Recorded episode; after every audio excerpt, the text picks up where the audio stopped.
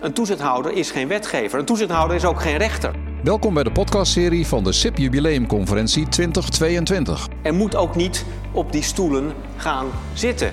Gaat dus niet nieuwe regels introduceren. We gaan nu luisteren naar Gerrit-Jan Zwenne. Hij is advocaat en hoogleraar recht en informatiemaatschappij aan de Universiteit van Leiden en marathonloper. Gerrit-Jan illustreert in zijn verhaal aan de hand van allerlei arresten hoe het criterium persoonsgegevens juridisch moet worden geïnterpreteerd. En hoe de mening van toezichthouders daar soms van afwijkt. Wat is hun rol? En hoe zou die moeten zijn? Dit zal waarschijnlijk niet op uw nachtkastje liggen, maar het is wel lezenswaardig. Dit is een conclusie van advocaat-generaal Bobek eh, bij een uh, arrest van het Hof van Justitie, de hoogste rechter als het gaat om de AVG en om het handvest, uh, die zich moet uitspreken over de vraag: moet is de autoriteit persoonsgegevens bevoegd als het gaat om rechtelijke instanties die gegevens verwerken, en dan met name de persrechter? Nou, het antwoord was nee, daar is AP niet voor bevoegd, want de rechterlijke macht moet onafhankelijk zijn. Advocaat-generaal Bobek schreef een interessante, lezenswaardige conclusie, waarin hij dit aansprekende voorbeeld aanhaalt. Hij zegt: Ja, als ik nou naar een café zou gaan en met vier vrienden. En via de telefoon, via e-mail of WhatsApp wisselen wij een bericht uit over iemand die ons bekend is. En we gaan een beetje roddelen, hè? wat een eikel, bla bla bla bla. Nou, kun je van alles bij voorstellen. Um, is de AVG dan van toepassing? En het antwoord is ja, want je bent geautomatiseerd gegevens aan het uitwisselen met die mobiele telefoon, WhatsApp. Het gaat om de verwerking van persoonsgegevens. Die buurman waarover je aan het roddelen bent, dat is een geïdentificeerde of identificeerbare natuurlijke persoon. En de uitzondering voor persoonlijke of huishoudelijke doeleinden is niet van toepassing, want dit gebeurt in de openbare ruimte, in een café. Maar het is toch wel gek. Dus dan zou hij in dat gesprek met vier vrienden zich zorgen moeten maken om inzageverzoeken, verwijderingsverzoeken. De buurman zou kunnen vragen: Wilt u mijn gegevens verwijderen? Want dat is, dat is toch een raar verhaal. Dat is wat hij hier zegt. Later in diezelfde conclusie gaat hij door en zegt hij inderdaad: Het Hof van Justitie heeft al die tijd langzamerhand telkens de rijkwijde van de AVG vergroot. Maar hij voorspelt dat die rijkwijde wel weer beperkt zal worden. Want het is natuurlijk van de gekken dat je in een café je druk zou moeten maken om inzageverzoeken van degene waarover je praat. Daar is die AVG niet voor bedoeld. Dit gaat over de toepassing van de AVG die ruim is. U mag foto's maken van de slide, maar ze zijn ook gepubliceerd en ik denk dat ze via SIP ook nog wel bekend gaan worden gemaakt. Af en toe hebben QR-codes opgenomen die verwijzen dan naar het desbetreffende document. Um, een andere interessante discussie die zich nu voordoet, afspeelt, zien we in het Nederlands Juristenblad, het NJB. Corine Prins die schreef daar een stuk met dit interessante citaat. Zij vindt het problematisch dat de autoriteit persoonsgegevens soms uitspraken doet die zich maar moeizaam verhouden met wat de rechter of de wetgever daarover heeft gezegd. En als het slechts een uitspraak is, niet een besluit of iets van die orde, dan kun je dat ook niet makkelijk bij een rechter recht laten zetten. En zij, zij ziet daar een probleem. Dit gaat over de rol van toezicht. En ik heb begrepen dat er iemand van AP in de zaal zit, maar die gaat zich nu niet bekendmaken. Ah, daar is ze. uh, dus dit is ook een beetje aan u gericht, of misschien aan uw voorzitter. Dus het rode draadje van mijn verhaal gaat over de toepassing van de AVG, die zoals Bobek zegt wel wat, wat ruim begint te worden, wat contra-intuïtief begint aan te voelen en over de rol van het toezicht.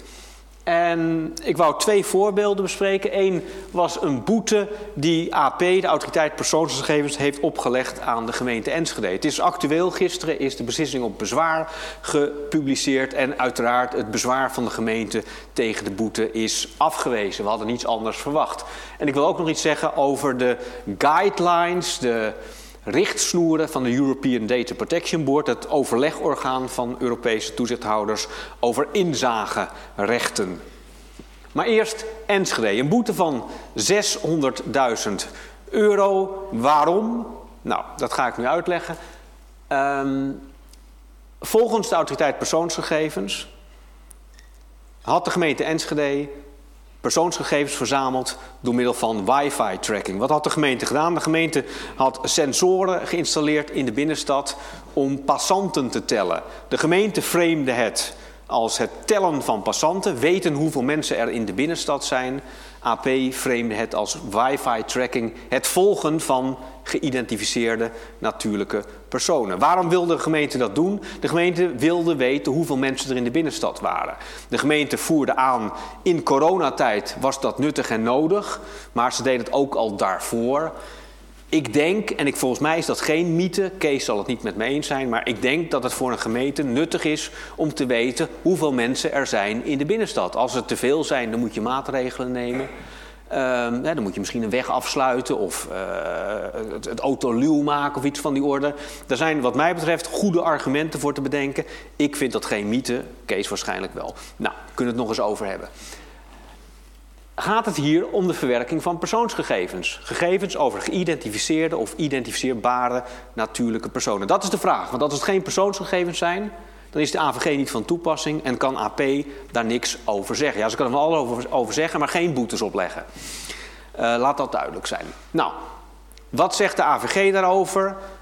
Een gegeven over een geïdentificeerde of identificeerbare natuurlijke persoon is een persoonsgegeven.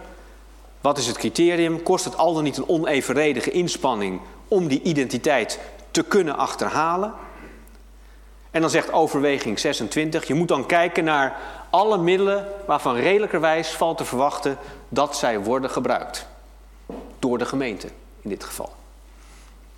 Volgens mij mag ik nu bewegen, maar kijk even naar de techniek. Ja, ik mag bewegen. Vrijheid. Uh, het is handig, want dan kan ik wat beter zien wat daar staat. Um, een, een uh, internetadres, een, uh, een IP-adres, internetprotocoladres, is dat een persoonsgegeven? Als het antwoord ja zou zijn, dan uh, is AP zonder meer bevoegd, is de AVG zonder meer van toepassing. Is een IP-adres een persoonsgegeven? Als je kijkt naar de definitie, je ziet wel een online identificator, identificator zou een persoonsgegeven kunnen zijn. Maar als je iets doorleest naar overweging 30, dan zie je dat het gaat om de combinatie van dat nummer met andere gegevens. NAW-gegevens, abonnee-gegevens. En dat wordt ook bevestigd in de rechtspraak. Een veel te volle slide, ik ga daar heel snel doorheen, maakt u zich geen zorgen.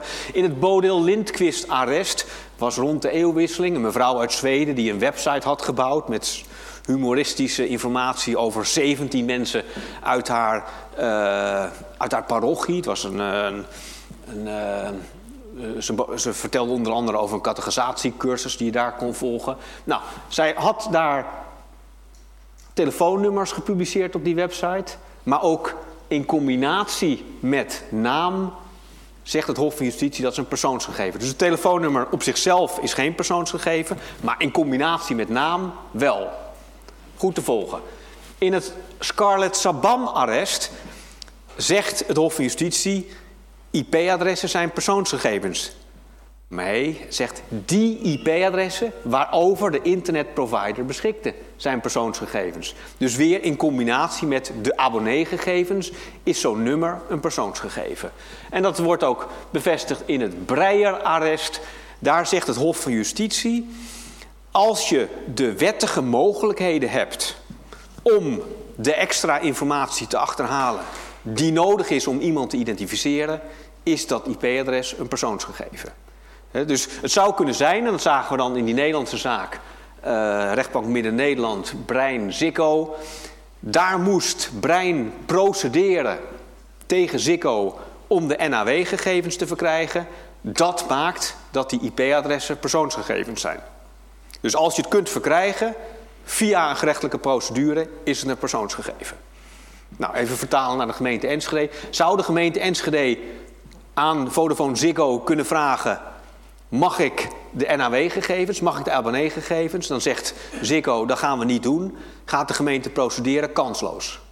Er is geen enkele reden waarom de gemeente dat zou kunnen krijgen. Dat is anders bij de Stichting Brein. Um, Haags fietsendepot. De gemeente beschikte over IP-adressen. Iemand deed een inzageverzoek. Verstrek mij de IP-adressen die u over mij heeft.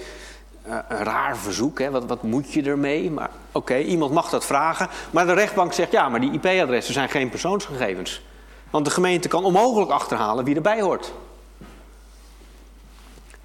Conclusie: een IP-adres is niet per se een persoonsgegeven, kan het zijn in combinatie met andere gegevens. Nou, kijken we naar de gemeente Enschede. Wat zegt de autoriteit persoonsgegevens daar? Het zou enig zijn als de autoriteit kan reageren nu, maar daar ga ik ook niet op rekenen.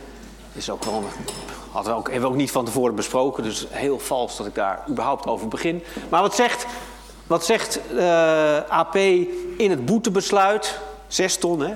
Boetebesluit. Ja, het zou kunnen zijn dat de verwerker, dus niet eens de gemeente zelf, maar een partij ingeschakeld door de gemeente, op een stil moment in de stad, misschien via camera's of door op de fiets naar de binnenstad te gaan, iemand zou kunnen identificeren. Er loopt iemand in de stad, hebben ze vastgesteld met die sensoren. En dan zouden ze de stad in kunnen fietsen en dan die persoon aanhouden. Mag ik uw identiteitsbewijs zien? Ja, ik zou dan zeggen, nou dat denk ik niet. Hoezo? Uh, maar dat zou kunnen gebeuren. En dan zou iemand zich bekend kunnen maken. Nou, dan kun je afvragen, zijn dat nou de middelen waarvan je kunt verwachten... waarvan redelijkerwijs valt te verwachten dat die worden ingezet? Lijkt mij niet. Gisteren beslissing op bezwaar. Bezwaar natuurlijk afgewezen. Uh, ik vermoed dat er wel beroep gaat volgen. We gaan door. Uh, dit gaat niet over AP. Maakt u zich geen zorgen. Dit gaat over de European Data Protection Board. Wie van u heeft even, wel eens te maken gehad met inzageverzoeken? Oh, veel. Heeft u zelf het inzageverzoek gedaan of uh, moest u het afhandelen? U heeft het zelf gedaan. Nou, veel rechtspraak over. Er wordt veel over geprocedeerd. Echt zo'n terrein waar ik als advocaat veel plezier aan beleef. en daarom is het heel aardig om te zien dat de European Data Protection Board daar guidelines over heeft geschreven. Hun opvattingen over inzagerechten. Nou, ik heb daarna gekeken, ik was er niet helemaal mee eens. Ik heb mijn comments in de consultatie ingebracht. Enkele van mijn bezwaren ga ik met u bespreken. Dit is wat de European Data Protection Board onder andere zegt. Weer veel te veel tekst, maar concentreert u zich eventjes op de rode tekst, dan is het wel te doen. Um, ehm, EDPB zegt, als iemand een inzageverzoek doet, en het is heel ruim, en dat gebeurt veel, hè? mensen vragen alles. Ik wil alle gegevens die u over mij heeft vastgelegd. Nou, dan mag je als verwerkingsverantwoordelijke de vraag stellen: wilt u dat verzoek preciseren? kunt u het voor ons hanteerbaar maken? Zegt de European Data Protection Board, als iemand dan toch zegt: ik wil alles, dan moet je alles verstrekken, in full. Over het identificeren van de verzoeker, hè, een inzageverzoeker uh, moet zichzelf bekendmaken. Je moet als verwerkingsverantwoordelijke je ervan overtuigen dat degene die het verzoek doet ook degene is uh, die hij zegt te zijn. We vragen doorgaans om een kopietje paspoort. En dan zeggen we erbij, wilt u alstublieft daar met grote letters opzetten ten behoeve van het inzageverzoek um, van, uh, van, van, van 7 juni 2022, uh, BSN zwart maken. Maakt u maar gebruik van dat appje van de Rijksoverheid om het zwart te maken. European Data Protection Board zegt inappropriate. Dat is volgens hun niet goed, mag niet. En als laatste zeggen ze: het doel waarom iemand een inzageverzoek doet, is niet relevant. Nou, laten we eens kijken hoe we dat in Nederland tot dusver hebben, hebben gedaan. Hof den Bosch. Dit is één arrest, maar er zijn er meer. Rechtbank Amsterdam, rechtbank Noord-Holland. Er zijn denk meer dan tien gerechtelijke uitspraken waarin wordt gezegd: fishing expeditions, daar doen we niet aan. Dus als iemand een inzageverzoek doet en hij valt hard in: ik wil alles, dan hoef je niet te verstrekken. Hij moet preciseren. Dus dit is toch wel anders dan de European Data Protection Board heeft gezegd. En het is echt niet, dit zijn drie uitspraken die ik heb gevonden. Hè. Wel haast praktisch ondoenlijk, hoef je niet aan te voldoen. Je kan niet het onmogelijke vragen van de verwerkingsverantwoordelijke. Als ik aan de UWV zou vragen, verstrek mij alle gegevens. En de UWV zegt, ja, kunt u misschien zeggen wat u precies wilt hebben. En ik zeg, nee, dat maakt hier niks. Ik wil alles. Dan kun je op dat moment stoppen. Beter is dan om een algemene zoekslag te doen op de NAW-gegevens en dan te verstrekken wat je dan hebt gevonden. Maar het moet wel doenlijk zijn. Vaste rechtspraak in Nederland. Tweede puntje over dat kopietje paspoort. Nou, de afdeling, de hoogste bestuursrechter in Nederland, die zegt niet onredelijk. Dat is toch iets anders dan inappropriate. Lijkt mij. En het laatste punt. European Data Protection Board zegt: het doel waarvoor iemand een verzoek doet is niet relevant.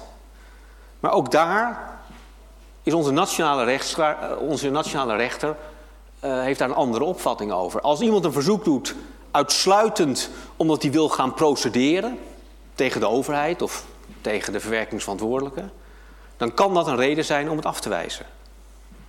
Want daar is het inzagerecht niet voor bedoeld. Het inzagerecht is bedoeld om de, om de betrokkenen in staat te stellen de juistheid en rechtmatigheid van de gegevensverwerking te controleren.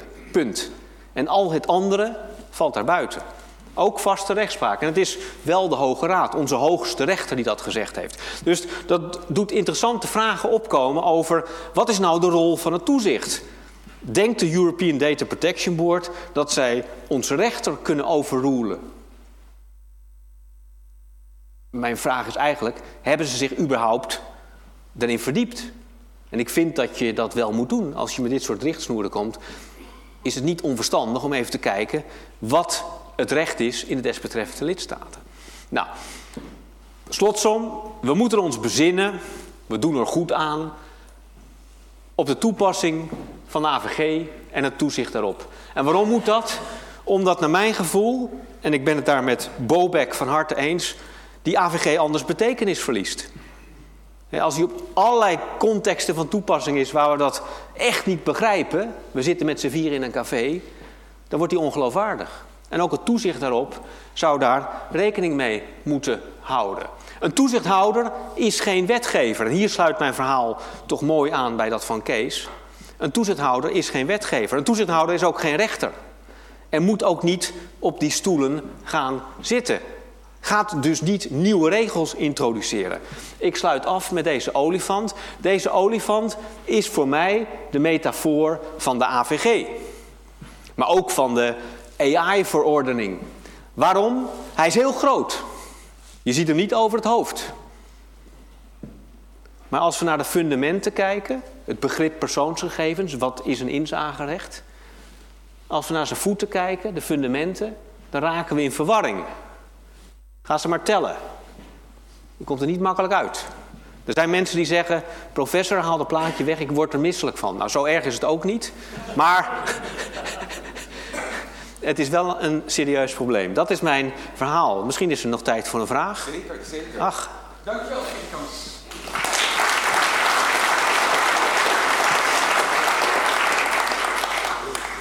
Wie heeft een vraag? Uh, wie heeft er een juist vraag voor Gerrit-Jan? Ik kom naar je toe. Ja, ik uh, heb wel een vraag. Ik hoor u zo over de bedoeling van de wet spreken. Um, en is naar uw mening, wordt er recht gedaan um, aan het, uh, de bedoeling van de wetgeving uh, op het gebied van de passage dat de AVG geen um, absoluut recht is? Ja, overweging 4 is dat, hè? Klopt. Ja. Nou ja, dat, dat, ik denk dat we elkaar daar vinden. Maar misschien voor het publiek. Overweging 4, zeg ik uit mijn hoofd, van de AVG zegt...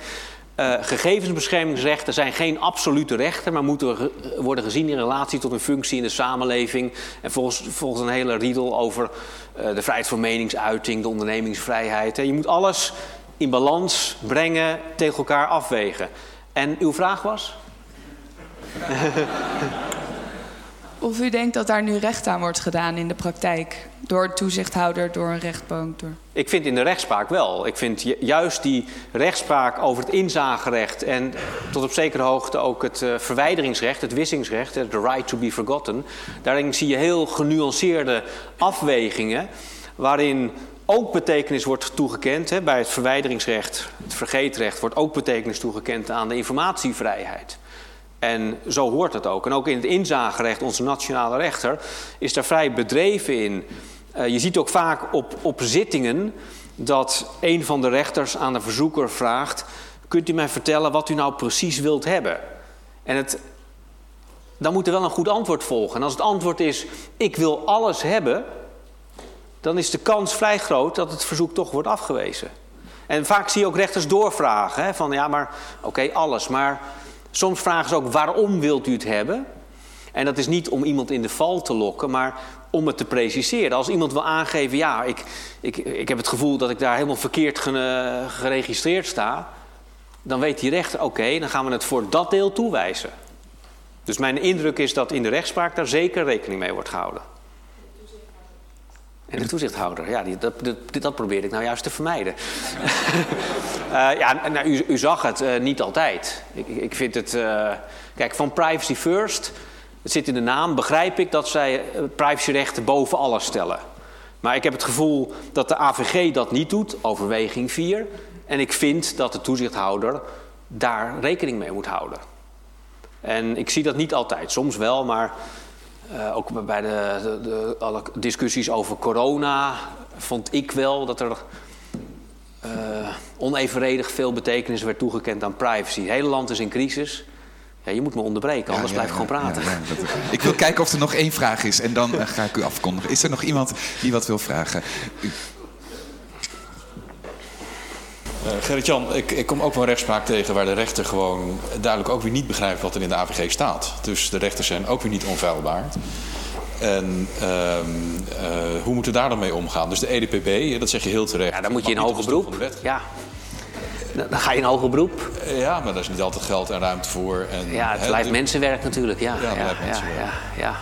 Maar het klinkt een beetje alsof de rechter onfeilbaar is. En dat, uh, nou, ik geloof niet dat ik dat gezegd heb. Oh. Uh, ik, ik vind dat de rechter het over het algemeen bij die inzagezaken die ik gezien heb... ook als ik ze verlies, kan ik het meestal wel begrijpen. Ik verlies ze niet zo vaak hoor, dus maar... uh, ik, ik, vind, ik heb het gevoel dat, dat binnen de rechterlijke macht men redelijk goed op de hoogte is... van de AVG en de UAVG. En dat daar op een ja, volstrekt acceptabele wijze wordt geoordeeld. Ja. Maar misschien moet je een andere advocaat inhuren. Dan, uh... Oké, okay. dat is flauw. Jou, uh, en applaus. Dankjewel. Wil je ook de andere podcast beluisteren van deze SIP jubileumconferentie? Kijk dan op sip-overheid.nl slash uitgelicht. Daar staan ook de links naar de video's van de jubileumconferentie en meer informatie over SIP.